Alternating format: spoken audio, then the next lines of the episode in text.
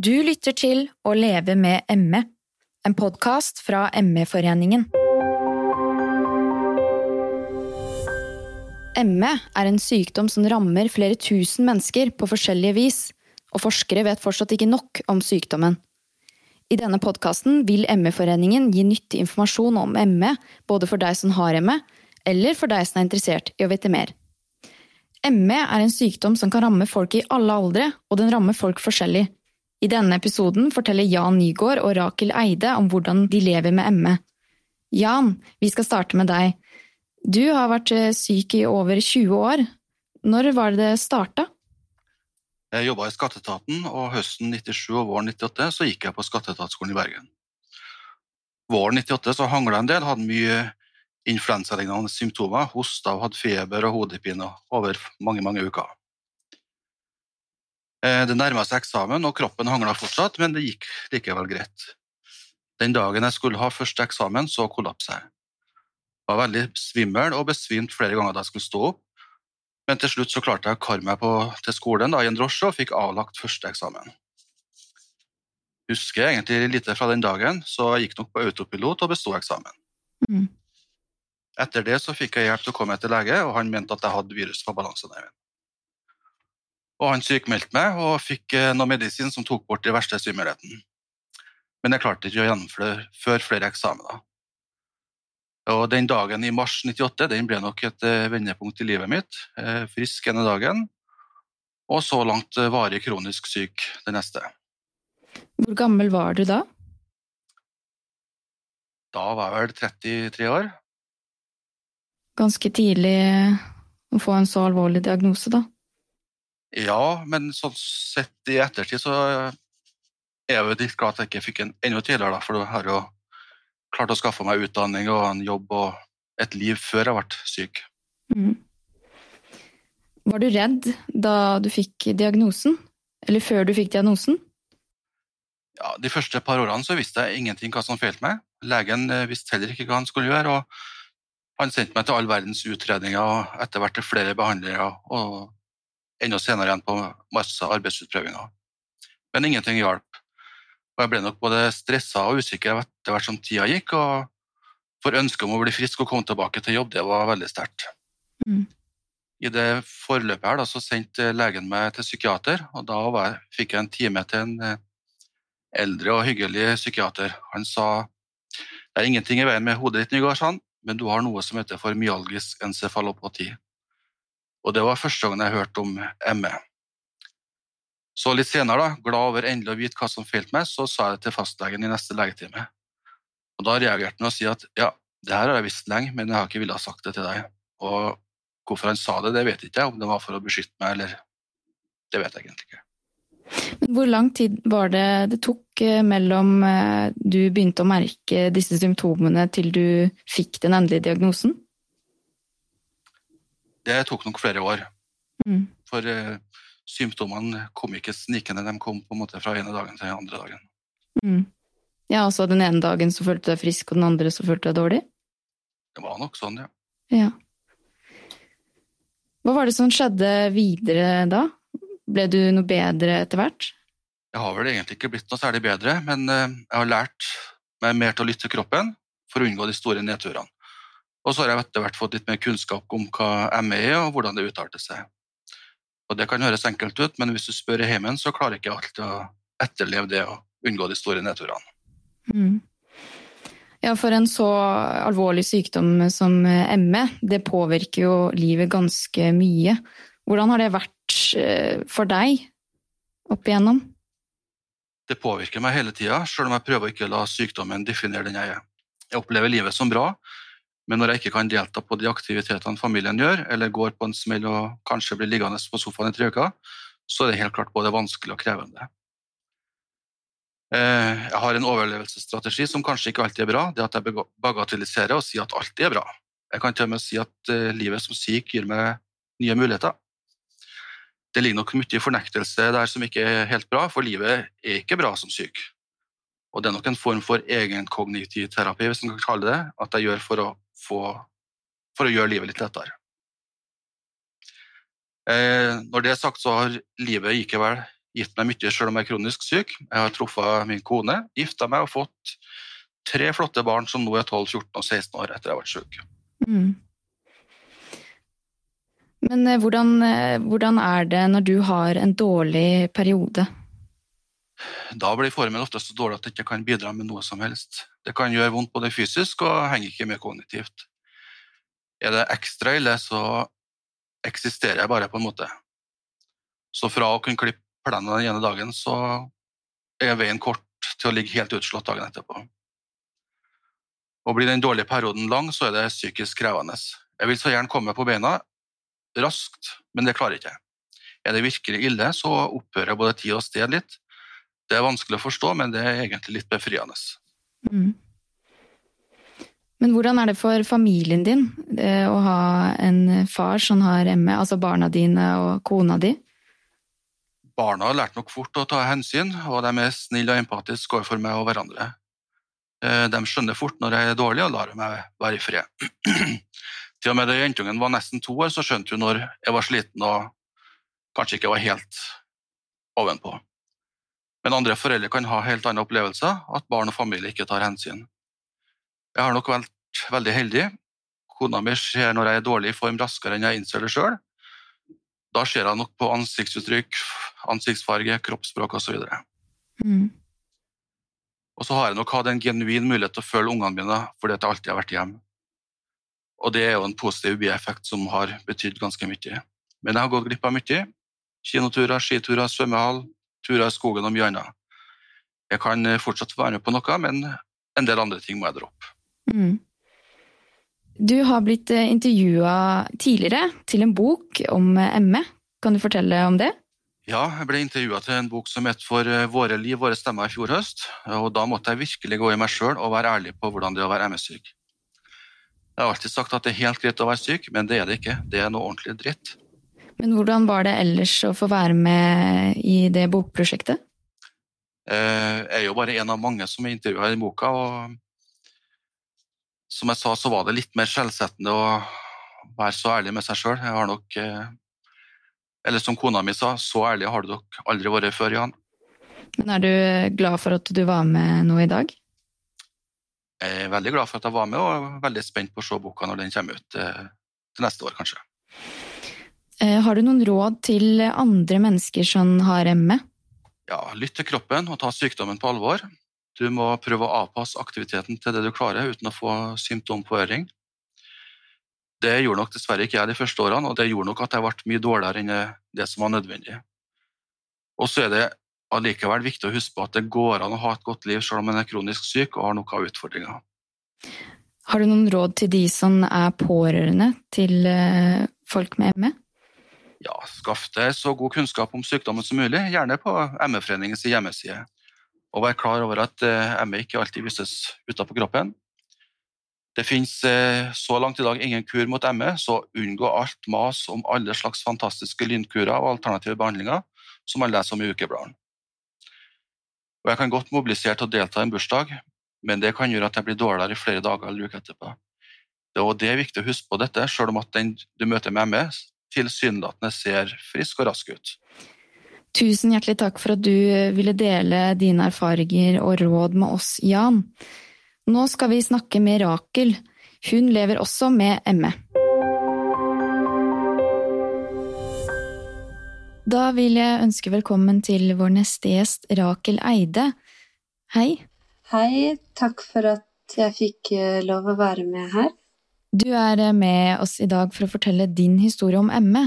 Eh, og aller først, eh, når var det du fikk ME, og hvordan var det du først merka det? Jeg fikk ME da jeg var 19 år gammel. Det var da jeg ble alvorlig syk. Men jeg har nok kjent på utmattelsen før den tiden. Men jeg klarte å gå på skole og fullførte videregående. På mm på vanlig tid, da. Men eh, året etter videregående, i 2011 og 2012, så tok jeg matte og fysikk som privatist for å få studiekompetanse med realfag. Og det var da jeg merket at jeg ble mer og mer sliten. Jeg måtte til slutt kutte ut fysikken. Jeg hadde kun ett fag, altså matten. Og da presset jeg meg så hardt for å klare å ta den eksamen, selv om jeg hadde masse symptomer, at eh, jeg ble helt sengeliggende etterpå. Mm. Kan du beskrive hvordan du hadde det da? Selv om eh, jeg har ME og har opplevd det å være så syk, så er det veldig vanskelig å forklare overfor andre hvordan det kjennes. Fordi når man ikke har opplevd utmattelse, så er det veldig vanskelig å sette seg inn i den situasjonen.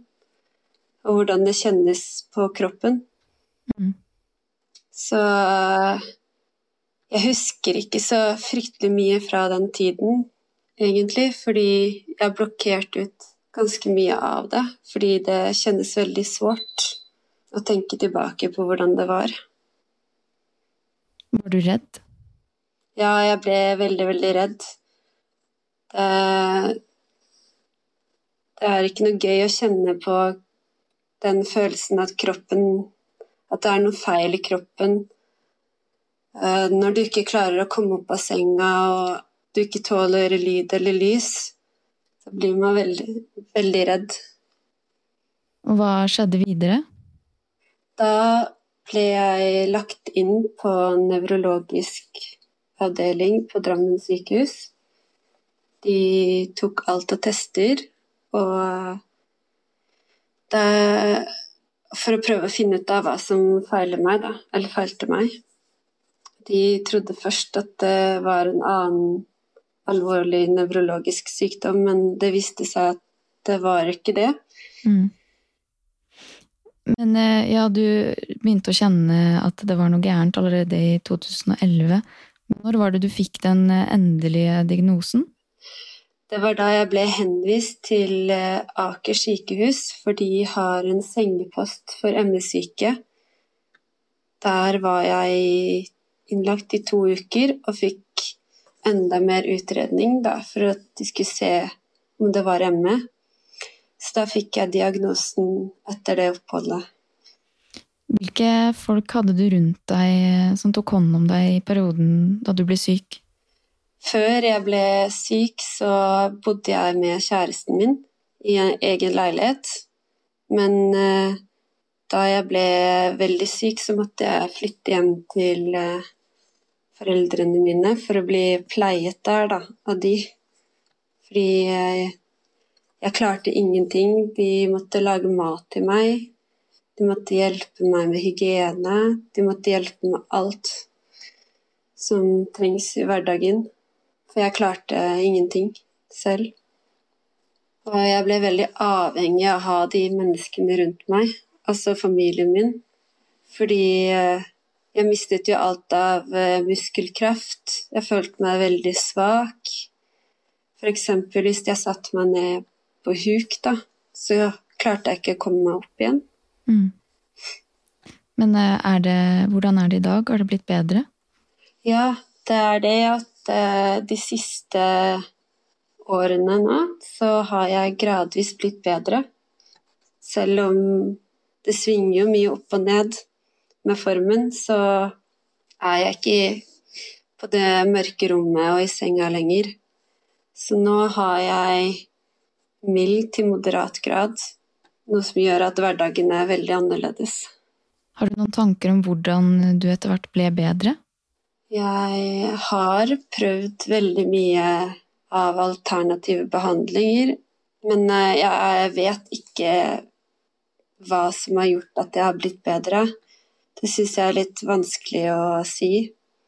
For eh, der finnes ingen kur for ME som, som jeg har opplevd, i hvert fall. Men eh, det som har vært veldig viktig i bedringsperiodene, er at eh, jeg har fått lov å gjort det på mine egne premisser.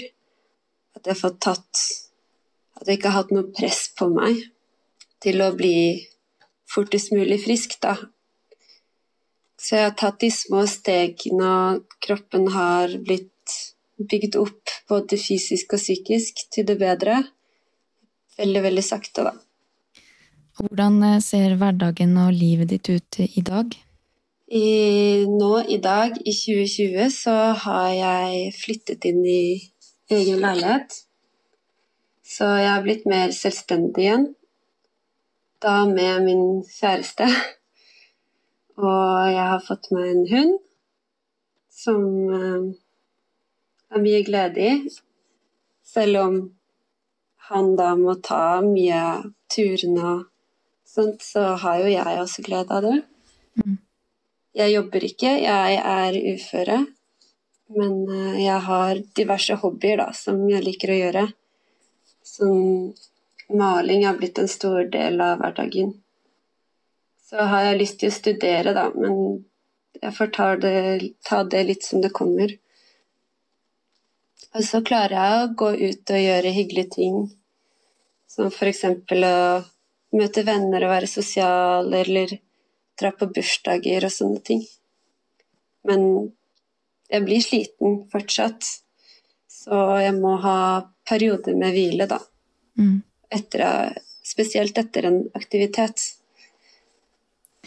Ja, det går altså bedre i dag, men du opplever eh, fortsatt å ha noen dårlige perioder.